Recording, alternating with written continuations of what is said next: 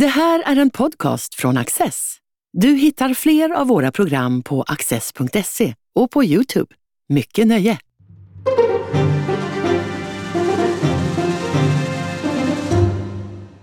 Välkomna till Studio Access. Och välkommen Sten Widmalm som är min gäst idag. Du är professor i statskunskap vid Uppsala universitet och driver tillsammans med en kollega, Thomas Persson, ett forskningsprojekt som heter Det öppna samhället. Vad, vad handlar det om? Det handlar om just hur man håller ett samhälle öppet. Vi är inspirerade av Karl Poppers eh, eh, undersökning och diskussion om vad det är som gör att ett eh, samhälle kan bli nedstängt och censureras och sådana saker. Och eh, eh, han skrev The Open Society and its Enemies översatt och då så tänkte vi att eh, vi fick mycket inspiration från honom. Men vi, vi, vi, har ju en eh, samhällsutveckling stort i världen idag där vi haft snart, snart 20 år av eh, konstant nedgång av eh, antal av graden av demokrati i världen.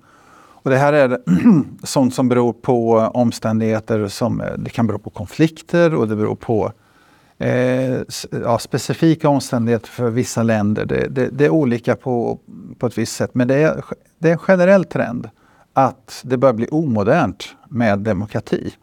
Och den här idén som Herbert Tingsten en gång i tiden hade om att eh, man ska försöka upprätthålla demokrati som en överideologi.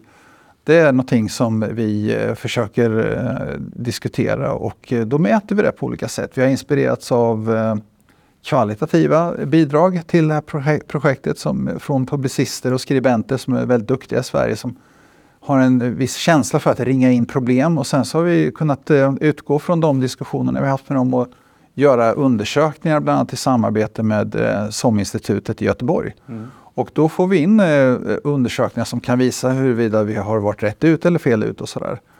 Och i stort sett så kan man säga så här, det här projektet handlar mer om vad som pågår i medborgarnas huvuden och hur debatten ser ut. Eh, demokratins nedgång och hot mot demokratin i Sverige, det handlar ju om yttre påverkan. Det är Kina och Iran och Ryssland till exempel som påverkas. Så har vi extremister i landet som höger-vänster-skalan finns de på. I miljöfrågorna så finns de också och religiösa aktivister också då, som är extrema. Men sen så finns det det här andra som man tappar bort så lätt och det är detta som vi eh, försöker studera närmare, nämligen vanliga människors uppfattning om demokrati och vanliga människor som jobbar i förvaltningen och politiker som debatterar den offentliga debatten.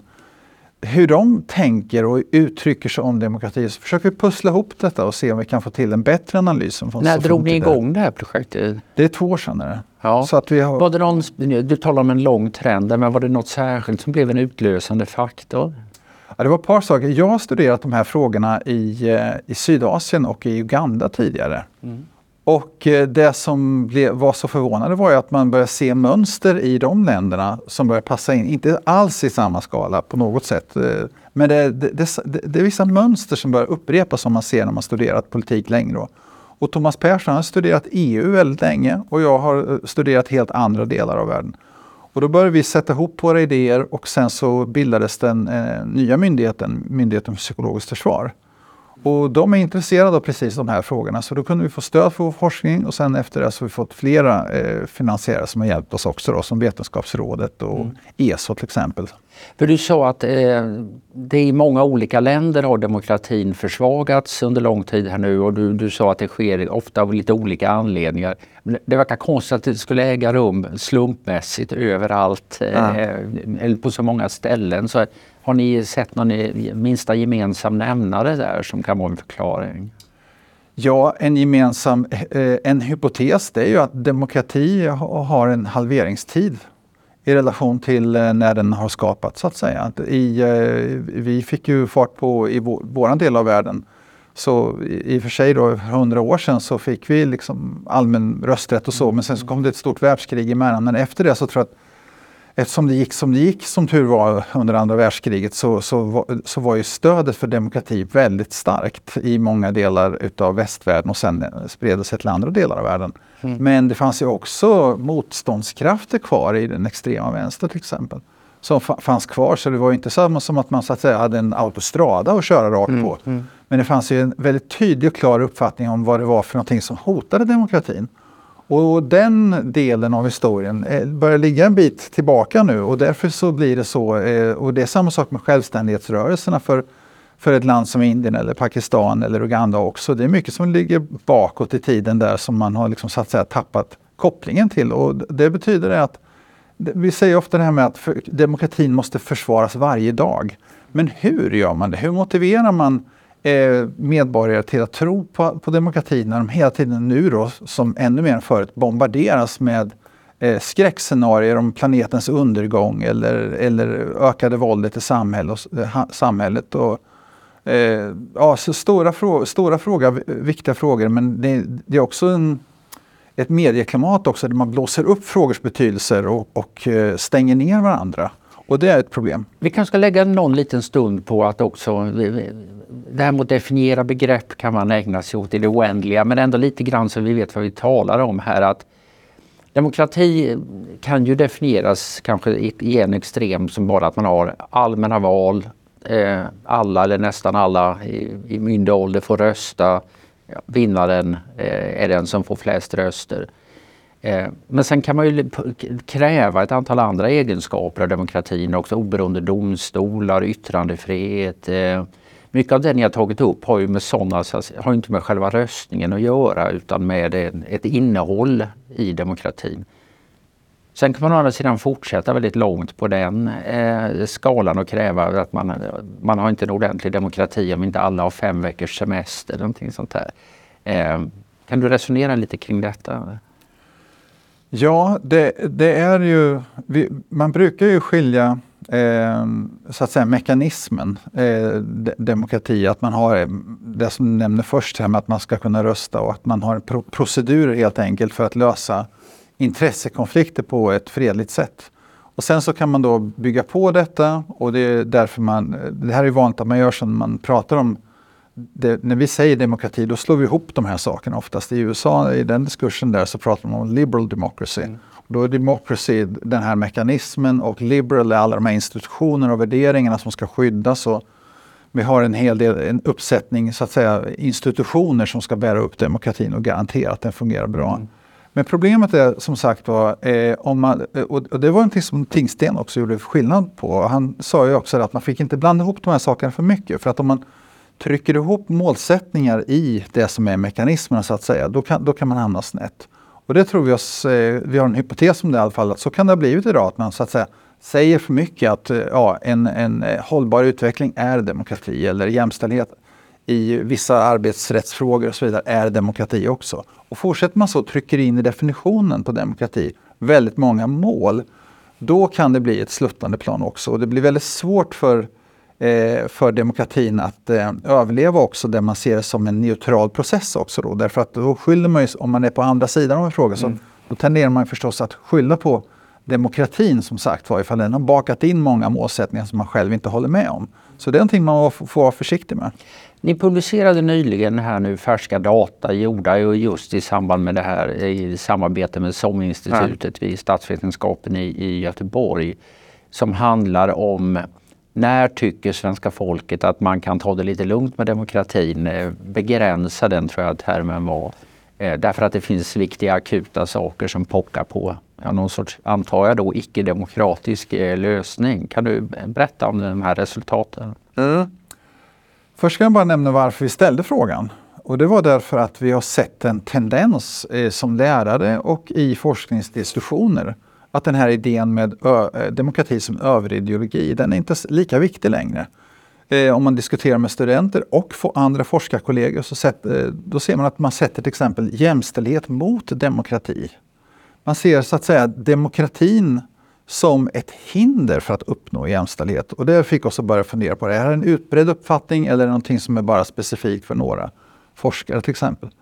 Men sen så såg vi efter påskkravallen och efter pandemin och så att, att det var väldigt många i politiken, bland, i ledarredaktioner och så vidare som var beredda att eh, göra inskränkningar i demokratin, i yttrandefriheten, demonstrationsrätten mm. och att stänga ner offentliga, offentliga tillställningar och sådant. Så att då, då tänkte vi att om vi lägger in frågan, vi ser tendensen bland, eh, i, i vissa delar i samhället, men är, hur är det med medborgarna? så därför så ställde vi de här frågorna och frågade under vilka omständigheter då kan du tänka att man tillfälligt eh, ja, eh, pausar demokratin om man så uttrycker det. Och det är en lite lurig fråga därför att det är ju så att om man tittar i länder som blir diktaturer, då är det ju så att det är alltid så att man inleder en sån fas av diktatur genom att säga att det här är bara tillfälligt. Och det betyder att man ska vara väldigt vaksam för ledare som säger att man måste pausa demokratin ett tag. Då. Och då fick vi de här resultaten då, som visar i en slags fallande skala hur människor rangordnar vissa frågors betydelse med pandemin i toppen. Då.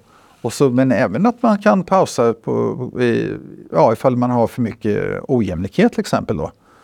Och det var väl det, det, rangordningen är en sak, men det som vi slogs av, av i undersökningsresultaten det var att det var så pass många som kunde tänka sig att pausa demokratin i väldigt många frågor. En fjärdedel ungefär av de tillfrågade tyckte man i, i alla fall ni nämnde så kunde det vara motiverat att mm. stoppa demokratin. Ja. ja, precis. Och det är, liksom, eh, det är för mycket och det man ser liksom, och vi valde också de här ämnesområdena som som frågor där det inte alls är... Eh, vi vet att det in, inte är en bra idé att pausa demokratin för att lösa problemen eller att det inte är en uppenbar lösning i alla fall. Ta pandemin till exempel. I början på pandemin så, så var det ju, som i Sverige, många som ville gå den kinesiska vägen. Mm. Och den var inte effektiv. Och däremot så, så att säga kunde den, eh, att man följde det spåret, det kunde legitimera nedstängningar av demokratiska institutioner i väldigt många länder. Samtidigt om jag förstår det hela rätt så människor är mycket angelägna om att tala om att de är goda demokrater. Alltså när man ställer mig allmänna frågor om man är för demokrati och yttrandefrihet, sånt där, då finns det ett massivt stöd. Samtidigt är många beredda till rätt långtgående inskränkningar. Vad drar man för slutsats av det? Ja, det, en slutsats är att vi statsvetare har varit för naiva länge och tror att man får sanningsenliga svar genom att ställa enkla frågor av det slaget. vi får inte svar på frågorna förrän vi ställer eh, värden mot varandra. Åtminstone eh, försöker ställa upp för intervjupersonen att är du beredd att offra det? Om säkerhet mot frihet till exempel, vilket väljer du först? Det betyder inte att eh, i en given situation så kommer folk välja på det sättet. Men det kan betyda att du får en bra indikator på hur mycket någonting är värt i alla fall i relation till varandra. Och det är på så sätt vi måste ställa bättre frågor. Och det är på det sättet vi kan också förutse kriser i en demokrati. Men har demokrati blivit som jag antar att statskyrkan var för slutet 150 år sedan? Den är, folk har i rätt hög grad förlorat entusiasmen för den men man känner sig, de allra flesta tycker ändå att man får tala om att man är, är med i laget och, ja. och inte har några invändningar. Ja, jag tror att det, man ser ju åldersskillnaden här när, man, när Pew till exempel som ett annat forskningsinstitut eh, som mäter sånt här internationellt. Då ser man att äldre människor har oftast ett starkare engagemang för demokrati och yngre, ju, ju yngre folk är så desto, desto mer eh, skeptiska blir de. I USA så ser man en mycket oroväckande trend men vi tenderar att följa den amerikanska utvecklingen i Sverige och Europa också. men, men frågan är, är det, har de tappat tilltron till demokratin? Eller har de eh, blivit skrämda till att se demokrati som problemet snarare än lösningen? Det tror jag är viktigt för att i, i många studenter som jag diskuterar de här frågorna med, de har ju fått det klart eh, eh, presenterat för sig i kurser som ges på universitet och så att demokrati är liksom en slags fasad för, för maktutövande, för härskande eliter och så vidare. Och om man går på den vägen tillräckligt länge då, då, då är det liksom 100% jordens undergång man går mot. Så jag tror liksom att eh, eh, vi också har en, en, både en skola och universitet som fostrar en skepticism mot eh, demokratin som har gått från var, att vara nyttig och användbar till att bli så att säga eh, dystopistisk. Och den, det gör att många känns uppgivna över demokratins möjligheter att råda bot på många viktiga problem. Men då får man tala om för studenterna förstås, som jag gör på mina kurser, att diktaturer är inte bättre på miljöfrågor än vad demokratier är. Men det är, det är en lång väg att få många, särskilt yngre, tillbaka till att börja tro på demokratin igen. Vi har, de har fostrats ganska hårt nu till att bli uppgivna. Har ni någon uppfattning om vad då? Om demokrati är, har flera beståndsdelar som vi var inne på. Det finns en, en process, eh, allmänna val framförallt. Eh, Och så finns det ett antal eh, innehållskriterier, de här medborgerliga fri, rätt, fri och rättigheterna och domstolar och yttrandefrihet. Att det, är det någon särskild del av de där som folk har tröttnat mer på än andra? Eller känner sig mer skeptiska inför? Man talar ju ofta om att, att det är yttrandefriheten som sitter eh, kanske allra trängst. Mm. Det här med yttrandefriheten ser vi på andra källor att det har man, eh, eh där finns det en, en hel del starka eh, strömningar just nu där man, där man tycker att det ska inskränkas. Och det är oroväckande för att det, det har ju kommit sig efter påskkravaller och efter eh, pandemin och eh, andra kriser. Så att det, vi ser att det finns en trend där som är oroväckande. Men vi ser att det är det är inte så mycket, eh, ja, vi, vi, gjorde mätningar innan den här senaste. Eh, 2021 var vi med på en mm. survey som SOM-institutet gjorde. och då tittade vi på självcensur och politisk intolerans. Och då kunde vi se att det var eh, utbredda eh, tendenser att vilja inskränka andras rättigheter om, de tillhör, om det handlade om personer som tillhörde som gav sitt stöd åt politiska rörelser som man själv tyckte mycket illa om. Och vi såg också att människor var beredda att eh, censurera sig själva i hög utsträckning också. Så att det är två indikatorer som kommer ut detta. Först är man vänder mot sig själv. Man är eh, restriktiv därför att man är rädd för att göra bort sig, för att få sanktioner riktade mot sig i sociala medier till exempel. Det har ökat enormt mycket. I USA var den här graden av självcensur på, eh, under McCarthyismen på 13 procent när man mätte den och mm. den har stigit till 50 till 60 procent i USA. I Sverige ligger vi precis på samma nivå, 54% 53-54 procent i vår undersökning förra året. Eh, idkar självcensur på eh, ämnen som är viktiga för dem att komma till uttryck om. Så att det här är, eh, är, är något som vi har eh, lyckats peka ut, att vi har ett dåligt debattklimat i Sverige helt enkelt. Och det är inte bra när folk går och knyter näven i fickan istället för att diskutera öppet viktiga frågor. Men sen så är vi människor, individer också beredda att dra in rättigheter för andra om, de, om det är personer som är så att säga i fel, enligt dem själva då, eh, i fel läger så att säga. Och då är det långt ifrån det voltairska idealet om att man ska liksom ha samma rättigheter även om man tycker väldigt illa om varandras åsikter. Om det inte handlar om att man ska riva demokratin förstås. För det är ingen idé att vara politiskt tolerant mot den som vill avsluta demokratin. Men vi såg att eh, goda nyheter fanns det, absolut. Okay. Eh, det, vi, vi, svenskar är inte, eh, uttrycker inget hat mot eh, eh personer som tillhör etniska minoriteter till exempel. Eh, mot homosexuella och eh, andra grupper som, eh, som det debatteras ganska mycket om. Inte för att de inte utsätts för hatbrott men generellt i populationen så så är det, och, för, och för, även för invandrare, starkt stöd och inga höga nivåer på hat i alla fall. Det är vi glada för. Men däremot så när vi kommer in på frågor och ställer eh, frågor om vilka rättigheter ska de som eh, till exempel då eh, emot aborträtten som den ser ut idag eller antivaxare eller sverigedemokrater, då skjuter värdena i höjden direkt. Och, och det är ju grejen, att man behöver inte eh, tycka om de som har de åsikterna, men de ska ha samma rättigheter om de inte vill skälpa demokratin uppenbart. Ja. Men där drar många personer en gräns och så säger man då att först ska de inte få demonstrationsfrihet och så går man uppåt i trappan så kommer man fram till att över 60% tycker att de utpekade som den mest ogillade gruppen inte ska kunna få bli statsminister i Sverige. Och då har vi också ringat in ett nytt område som inte var, var särskilt bra förstått innan och det är att det finns en stark intolerans att så fort man vill diskutera de som har olika åsikter mot en själv och, och de som man inte gillar och så vidare. Då bör man dra in, eh, då, bör, då är man beredd att dra in rättigheter för andra också. Och det här är lurigt där, därför att man tänker sig på något sätt att, att det finns något ideal i demokratin som går ut på att alla ska tycka på något sätt lika i Sverige, tycker jag mig se i alla fall. Mm. Och det är, det, är, det är bra om vi, kommer, om vi kan kompromissa. Är det ju. I alla fall i någon sorts värdefrågor eller ja. känsliga frågor. Ja. man får tycka olika om hastighetsgränser i trafiken eller något sånt här. Ja. kanske. Ja, precis. Ja. Men, då, men då är det liksom att eh, då finns det, eh, som jag tolkar i alla fall, en, en underliggande uppfattning om att man ska till slut tycka lika. Men det är, ju, det är en auktoritär tanke. Är det.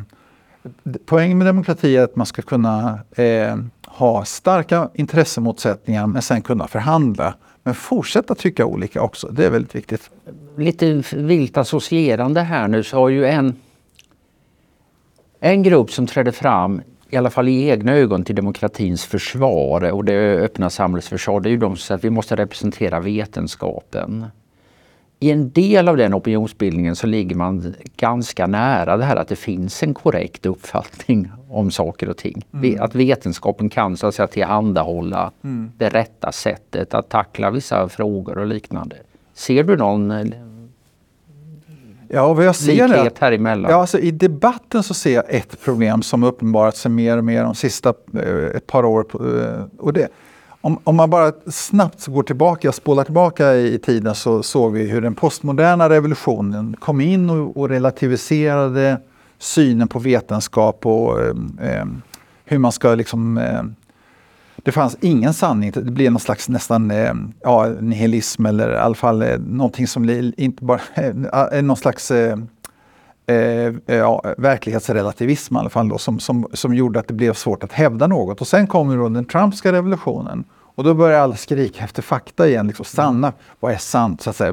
Trump sa då att liksom, det är inte min sanning, ni har egen och så vidare. Det var Groucho Marx. Liksom. Så, här. så att det var Eh, det blev någon slags kris och då försökte vi bota det i till exempel Sverige men även i USA och i Storbritannien.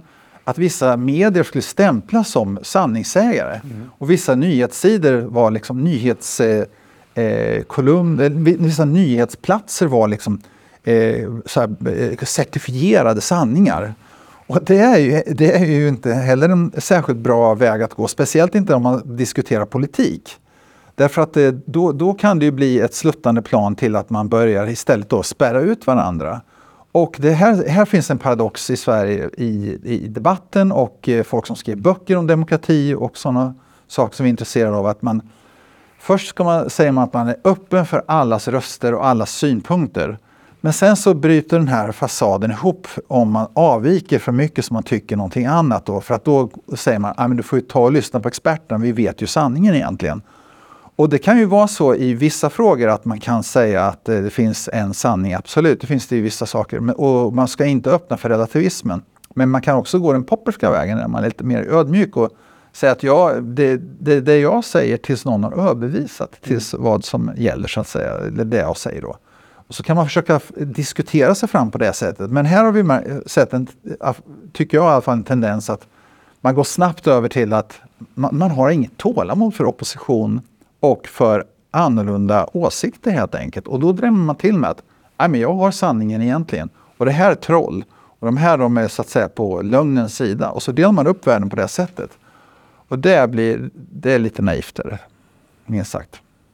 En av de miljöer där man har uppfattat det traditionellt som allra mest angeläget att man lyssnar eh, på andra och de som kommer med annorlunda uppfattningar. Det är ju din eh, eh värld, nämligen akademin. Samtidigt får man nästan känslan ibland att problemen är värre där än på andra håll. Och du har ju varit engagerad i debatten, eller är engagerad i debatten om akademisk frihet. Hur står det till på universiteten? Det varierar väldigt mycket och det beror på, det varierar väldigt mycket mellan ämnen. Gör det. Mm. På vissa, eh, många akademiker som man pratar med, de, de, de ser ju ingenting av sådana konflikter i det de håller på med. Men det, håller man på med spektroskopi så kanske inte är liksom det första man ser att, eh, att det pågår sådana här normdiskussioner och så. Man har sina forskningsanslag och man får forska i fred relativt ostört. Men det, det, är inte så på andra områden och när det kommer till samhällsvetenskap och humaniora då, då blir det snabbt en annorlunda bild som vi får. Och i, i, under förra året då så, så, så, sa ju, när det blev en diskussion om detta, när Mats Persson, då, vår utbildningsminister, sa att, vi skulle, att det här skulle undersökas, cancelkultur och sådana mm. problem. Då var det väldigt många som ställde sig upp i debatten och sa att det finns ingen cancelkultur i Sverige. Men det gör det. Och den har funnits länge och den kan man spåra tillbaka i tiden i 20-30 år som att det har varit en ny slags cancer, cancerkultur har funnits i alla kulturer i alla tider. Mm. Att man försöker dra undan mattan för någon, man eh, sprider ut en lögn och man försöker avsätta någon från från dens position då för att nå en politisk framgång själv. Mm. Men här i vår akademi i alla fall så har det varit något som har spridit sig de sista 30 åren. Och de senaste 10 åren så har det blivit avsevärt värre. Det finns det Det är ganska väl dokumenterat så att det, det är ingen tvekan om det här är, att det här är ett problem. Och då kan man säga så här att i akademin blir, fort, blir eh, åsiktskorridorerna fortfarande smalare och smalare. Men det som är väldigt intressant är att det är, eh, eh, samtidigt i medier som till exempel Access eller ta, eh, Kvartal eller Fokus och Filter. Och mängd, det finns mängder av nya respons med. Det finns mängder av olika platser där det kommer eh, åsikter till uttryck. Nya frågor vänds, undersöks och man, man, där finns det lägre spär, finns färre spärrar i den offentliga debatten skulle jag säga idag för att diskutera viktiga frågor. Det är oerhört viktigt. Men vad ska man säga om universitetet när det kommer till samhällsvetenskap och humaniora? Ja, det finns mycket språkforskning som är utanför detta också. och så vidare. Men det finns ju också delar utav de ämnena som där, där, där företrädarna för de ämnena blir mer och mer irrelevanta i samhällets ögon. De tappar sin legitimitet. Därför att de förknippas med att bara så att säga, hålla på med specialkunskaper som ses som esoteriska och undersökningar som ligger långt ifrån vanliga människors problem och så. Och när man sen då väl yttrar sig i frågor som är viktiga, då, då, då säger man saker som inte går att begripa. Och, och, det här är ett, det är ett riktigt problem Är det. Vi har allt för få personer som kan till exempel som studerar världspolitiken så vi förstår Kina bättre, mm. Mm. Eh, Ryssland bättre och, och för, vi har inga specialister på Frankrike, Storbritannien men detta är, men detta är ett annat problem delvis än cancelkulturproblemet, är det inte det? det? Det, här handlar mer om någon sorts ja, Nej, men det handlar om att, Ja, men, det, men, men fackidioti betyder också att det är en korridor någonstans. Och korridoren har blivit smalare för vad man All kan right, studera. Ja. Mm. Och de ämnena som man kan studera idag, de är normativt styrda i mycket högre utsträckning än tidigare. Och går man utanför de korridorernas normativa ramverk, mm. det är då du kan bli äh, cancellerad. Är det bra att Matt Persson har tagit det här initiativet? Jag, jag, ty jag, tycker att det är oerhört viktigt att någon gör det därför att det, det är därför att den här utvecklingen som vi går emot här, den börjar mer och mer likna den i Storbritannien och i USA eller Kanada eller Sydafrika. Mm. Som har enorma problem med att man förstör den högre utbildningen som, eh, för att det blir platser som intelligenta människor väljer bort till slut för att man ser att det här är liksom eh, det, det, är liksom slagfält för normativa frågor. Och de som då befolkar de här eh, slagfälten blir allt mer de som vill slåss i de här frågorna med en särskild agenda. Och det här, det här uppfattas inte som legitimt från omvärlden helt enkelt. Tycker du att det vad det gäller universiteten fortfarande är så att utvecklingen går i fel riktning? Ja det gör det. Det går fortfarande i fel riktning och jag ser inte riktigt hur man ska det går att bryta utvecklingstrenden absolut. Och i USA så... Det finns ju ett antal fall som ändå har uppmärksammats och väckt rätt mycket kritik ja. från, eh, ja men kanske främst utanför universiteten. Ja, Jo, men, det, ja. men då reagerar de som deltar i den offentliga debatten och säger att det här är en konspiration. Mm. Man har importerat en problemdefinition som inte finns här egentligen, som är relevant här. Den kommer från USA eller att man har en förvrängd bild av USA eller någonting annat. Då. Så att motståndet är fortfarande enormt stort för att försöka få ut de här frågorna och diskutera dem öppet och vad man ska göra åt det. Har du något hopp om att den här Perssonska utredningen ska ge några liksom användbara resultat? Eller rinner det ut i sanden det här? Ja, det, det, jag har hopp om det därför att det finns en stark vilja i flera läger tror jag om att det här måste, den utveckling som måste vändas. Men då måste man vara medveten om en sak. Det är att eh, inom universitetet, de som är i akademin, de är inte ett offer för en normkultur och normstyrning. De, de är själva en del av det. För många så är detta den yttersta friheten att styra normer på det sättet som man gör. Och här kommer man stöta på hårdnackat motstånd. Man kommer säga att det här, det här är det riktiga kriget mot eh, den akademiska friheten. Det här är eh, nedstängning utav eh, rättigheter och friheter som är på en nivå så kommer man dra paralleller och så vidare. Så det här kommer man se en process framför oss nu där man vänder ut och in på språket. Man kommer ta kollegialitet och vända upp och ner på det begreppet. Och akademisk frihet kommer man också vända ut och in på som begrepp. Att det här sker nu på universiteten, är, är det så att eh, tendenser i samhället får särskilt stort genomslag där? Eller ligger det också någon förklaring i att, så att, säga, att universiteten i någon mening har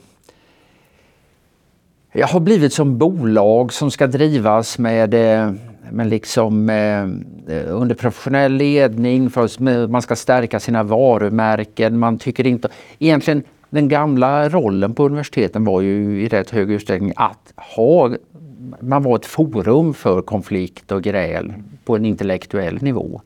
Sen har det ju alltid intrigerat sålts på även i akademiska sammanhang, nästan lika mycket som i kyrkliga.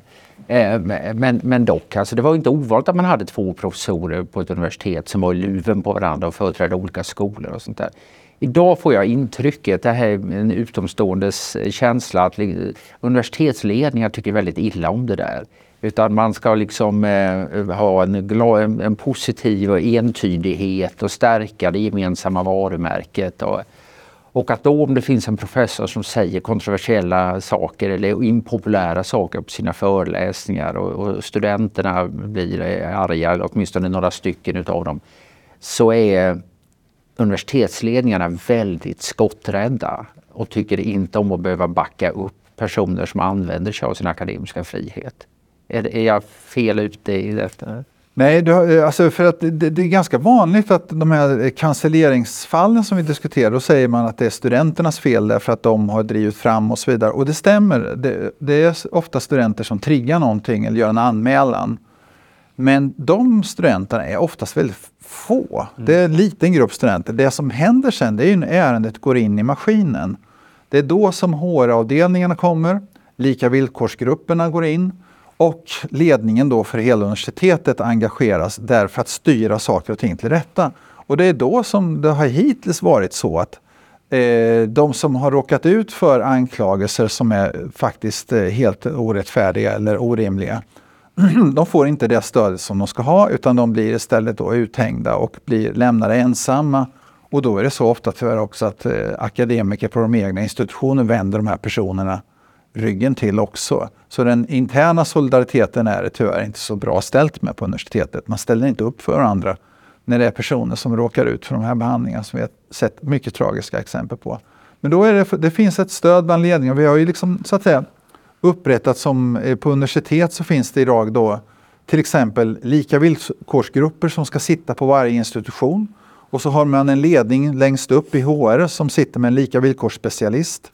Och de ska då samverka hela tiden för att normstyrningen ska fungera.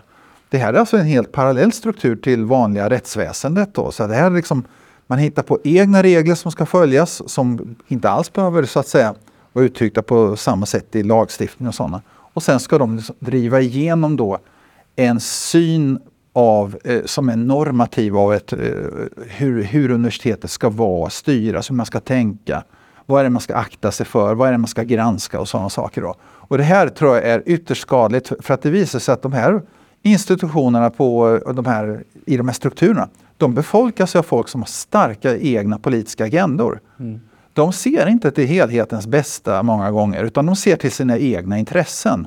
Och då blir det häxjakter av detta. Är det statsmaktens fel att detta har hänt eller är det en röta som finns i, eh, inne i verksamheterna?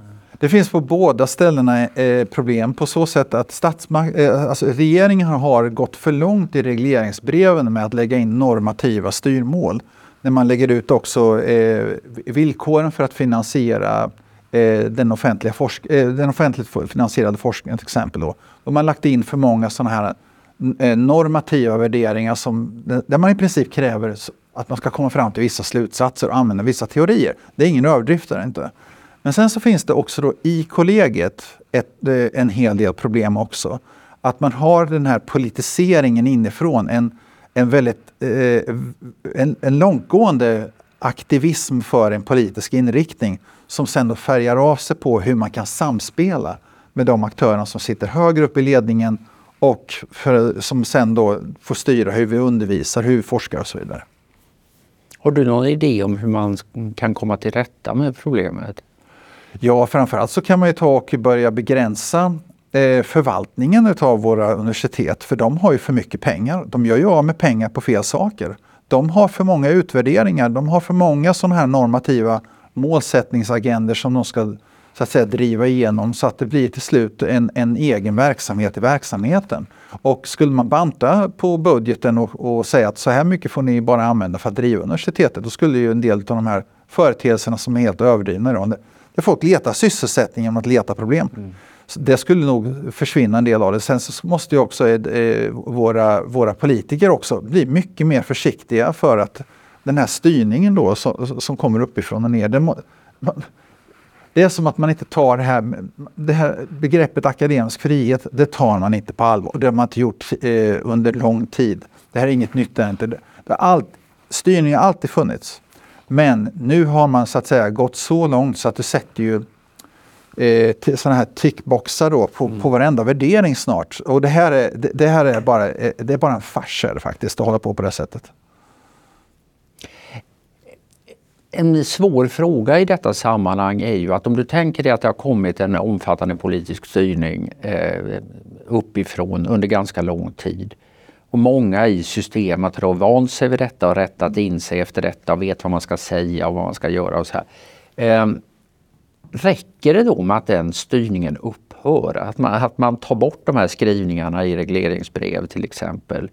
Eh, hur lång tid tar det efter det innan eh, patienten kvicknar till av egen kraft så att säga? Eller kommer det att behövas ingripande åtgärder för att ställa saker och ting till rätta? Nej, men det, det är en bra synpunkt där för att man skulle kunna tänka sig att tar du bort normtrycket så, så, så, är problemet borta. Så är det ju inte. Nu har vi fostrat flera generationer av normstyrda forskare. De här fortsätter sin verksamhet på de villkoren utan att någon uppifrån kommer att säga åt dem att göra detta. Det, här kommer, det var precis det, det är som med autonomireformen som, som, som ledde till helt o, eh, o, eh, precis, de gjorde tvärtom. Autonomireformen för svenska universitet gjorde att det blir mindre frihet. Mm. Men det är precis samma sak här också. Om, om du tar bort trycket och säger att nu ingriper vi inte på någonting. Då kommer inte, det här, eh, då kommer inte de här inriktningarna att ändras på något sätt i Sverige i alla fall. Utan då kommer de fortsätta hos en in, inre egen kraft. Därför vi har fostrat dem för länge i ett visst spår. Så att det måste mer till att uppmuntra fri forskning än att bara säga att man tar bort det här normtrycket. Men det, blir, det är svårt. Ja, det måste bli en utmaning för, mm. Eh, för eh, den politiker, om nu Mats Persson är den politiker som, ja. som verkligen vill lägga om, lägga om kursen. Jag, jag, tror att en lösning skulle vara att göra forskare mindre beroende av att söka anslag. Mm. Därför att vi slösar bort så fruktansvärt mycket resurser på att söka anslag. Som, jag, det här är ingenting man kan säga om, om man fått nej på en ansökan. Men jag, jag tillhör eh, på det sättet en person, jag, jag, sitter inte dåligt till om man säger så. Jag har sökt klara mig. Men jag, jag tycker det, jag, skattebetalarna skulle aldrig gå med på att så mycket resurser som vi idag slösar bort på att söka forskningsmedel, det, det, det, är, inte ett, det är inte ett eh, ansvarsfullt sätt att ta hand om våra skattemedel. Därför att eh, eh dels är det den tiden vi lägger och sen så är det oerhört demoraliserande för alla de forskarna som aldrig får några anslag. För det går oftast mera till vissa personer, vissa miljöer och så vidare. Så det här är någonting som leder till en nedåtgående spiral för alla. Så om vi hade mer forskning i tjänsten för de som är forskare och verkligen såg till att, eh, eh, att, att det fanns tid att tänka fritt, då skulle två saker hända. Dels skulle nya idéer kunna förhoppningsvis uppstå då.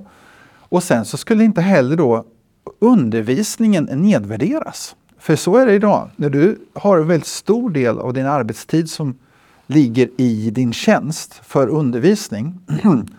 oerhört krävande och kräver oftast mera tid än vad, vad man eh, procentuellt lägger om en tjänst. Då är det så att de flesta forskare ser det som att man köper sig fri från undervisningen när man söker forskningsmedel. Och det är en helt bizarr syn på undervisning. Undervisning blir ju en slags bestraffning då, ja. som man försöker liksom komma undan hela tiden. Och det är inte särskilt bra för eh, studenter eller för lärarna själva att tänka så om undervisning. Så om vi kunde ha en bättre balans, låt oss säga 40-40 för, för forskning och undervisning och sen kunde man bara söka pengar till att eh, eh, göra resor, göra en enkät, göra intervjustudier och sådana saker. Då skulle ju makten minska också för de här stora, st stora statligt finansierade forskningsorganen också. Då. eller medelsorganen, de, de som delar ut forskningspengarna. Och då skulle det bli bättre balans. Idag har man inte en vem vågar stöta sig med de stora anslagsgivarna idag? Mm. Det är väldigt få forskare som gör detta. Man ska hålla sig på mattan, man ska söka enligt reglerna och säg inte emot för då kanske du inte får några pengar. Det här har varit ett oerhört fascinerande samtal och vi skulle kunna fortsätta hur länge som helst tror jag men vi måste sätta punkt någon gång. Men jag tänkte ställa en sista fråga bara. Eh, om det ens är en fråga. Det, är, det, det, blir mycket depp här. Det är, ute i världen har olika diktatorer eh, eh, flyttat fram positionerna. De är dessutom ofta folkvalda numera vilket mm. gör det mycket svårare än, ja, än på den gamla bolsjevikregimernas tid. Och sådär. Ja. Att, att verkligen få syn på eh, hur stort problemet är. Här, även här hemma så börjar folk bli lite småtrötta på demokratin och vill ja. hellre driva igenom sin vilja än att respektera eh, allas uppfattningar och sånt där. Och, i, och på universitetet får man inte forska utan måste sitta i, eh, fylla i blanketter och slåss med byråkrater som ska driva igenom ja. politiskt korrekta uppfattningar. Ja. Ja, det är en rätt svart bild det här. Finns det några ljuspunkter? Det var det jag tänkte avsluta med. Ser du något att glädjas åt? Ja, här i världen? Ja, ja, men, ja. ja. att Netflix-utbudet inte blir sämre. Eller? Ja. Nej, men eh, det finns faktiskt sådana saker som, som, som är, är, är, ehm, är upplyftande på, eh, när det kommer till akademin och hur vi ser på frihet. Jag tror, att, jag tror faktiskt att vi ser nu kriget så nära Ukraina. Så att det, det har inte ännu lett till, det har lett till att NATO-stödet har gått upp i Sverige. Mm. Försvarsviljan har inte gått upp än. Men vi kanske är på väg mot ett uppvaknande som handlar om att vi måste prioritera så att säga vad vi ska lägga våra pengar på, våra resurser på. Och att när vi ser att de här problemen med miljön kommer närmare oss själva, med krig, våld, sådana fruktansvärda företeelser. Och då, då, då, någonstans så måste vi så att säga ta vårt förnuft till fånga själva och bli något mindre narcissistiska kanske och börja fundera på hur helheten, kollektivet ska fungera tillsammans. Och då finns det en lösning på det och det är demokrati. Bra, ett utmärkt slutord. Tack så hemskt mycket Sten Widman. Tack. Du har just lyssnat på en podcast från Access. Du vet väl att vi också är en tv-kanal och tidning? Teckna en prenumeration idag på access.se.